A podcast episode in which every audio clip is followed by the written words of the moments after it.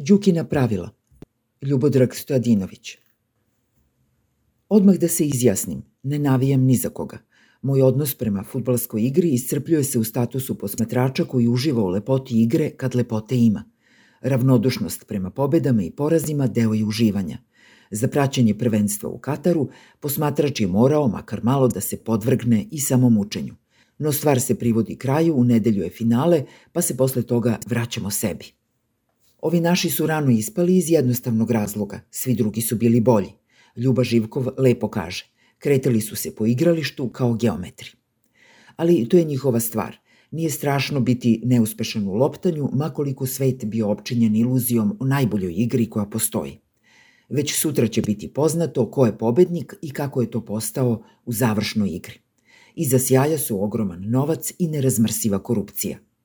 Ovde je ipak reč o navijanju – To bi verovatno bilo podržavanje, hrabrenje, bodrenje, podsticanje, nadahnjivanje, pokretanje, razgaljivanje svog tima emotivnom snagom i uzvicima, urlicima publike kako bi se zajedničkom silom stiglo do presudne nadmoćnosti i pobede.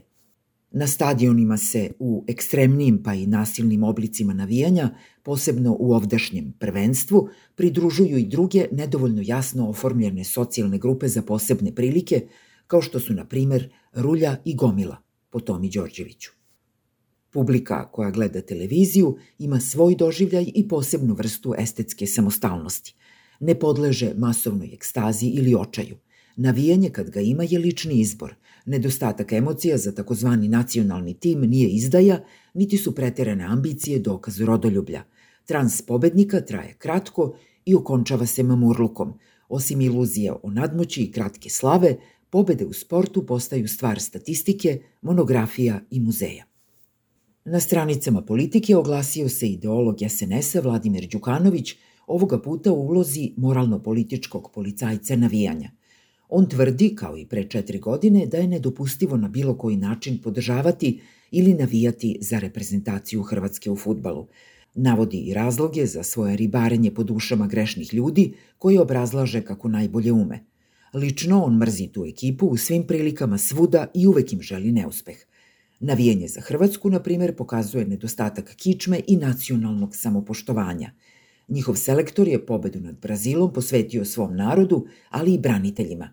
Đukanović je naveo i neke strašne primere iz zajedničke istorije. Više od Hrvatske, on mrzi jedino one koji misle da se tamo igra dobar futbal. Tako je Đukanović otvoreno krenuo u denacifikaciju igre – i traganje za pouzdanom formulom koja bi potencirala njegova mučna razmišljanja. Nisam pratio ko se sve, osim Novaka Đokovića i Milojka Pantića, javno izjašnjavao da podržava futbalsku Hrvatsku u završnici prvenstva. Igrali su čvrsto i dobro, imaju veliki tim.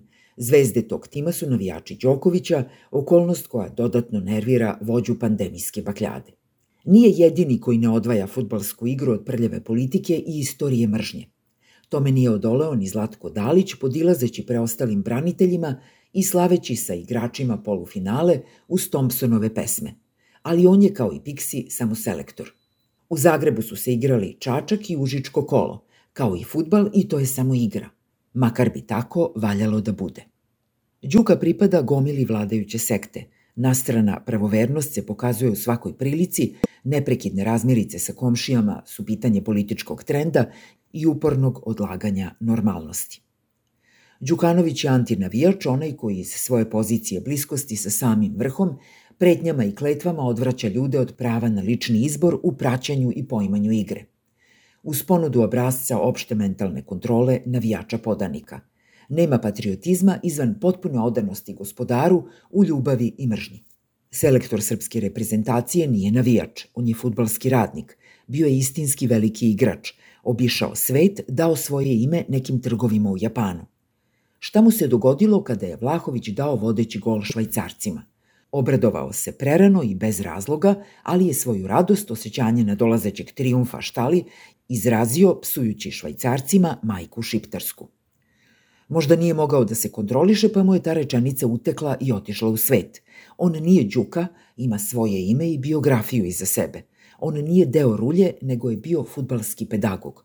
Uz psovku je postao pripadnik. Đukine hipoteza o zabranjenom navijanju dolazi iz kolektivnog skučenog uma vlasti.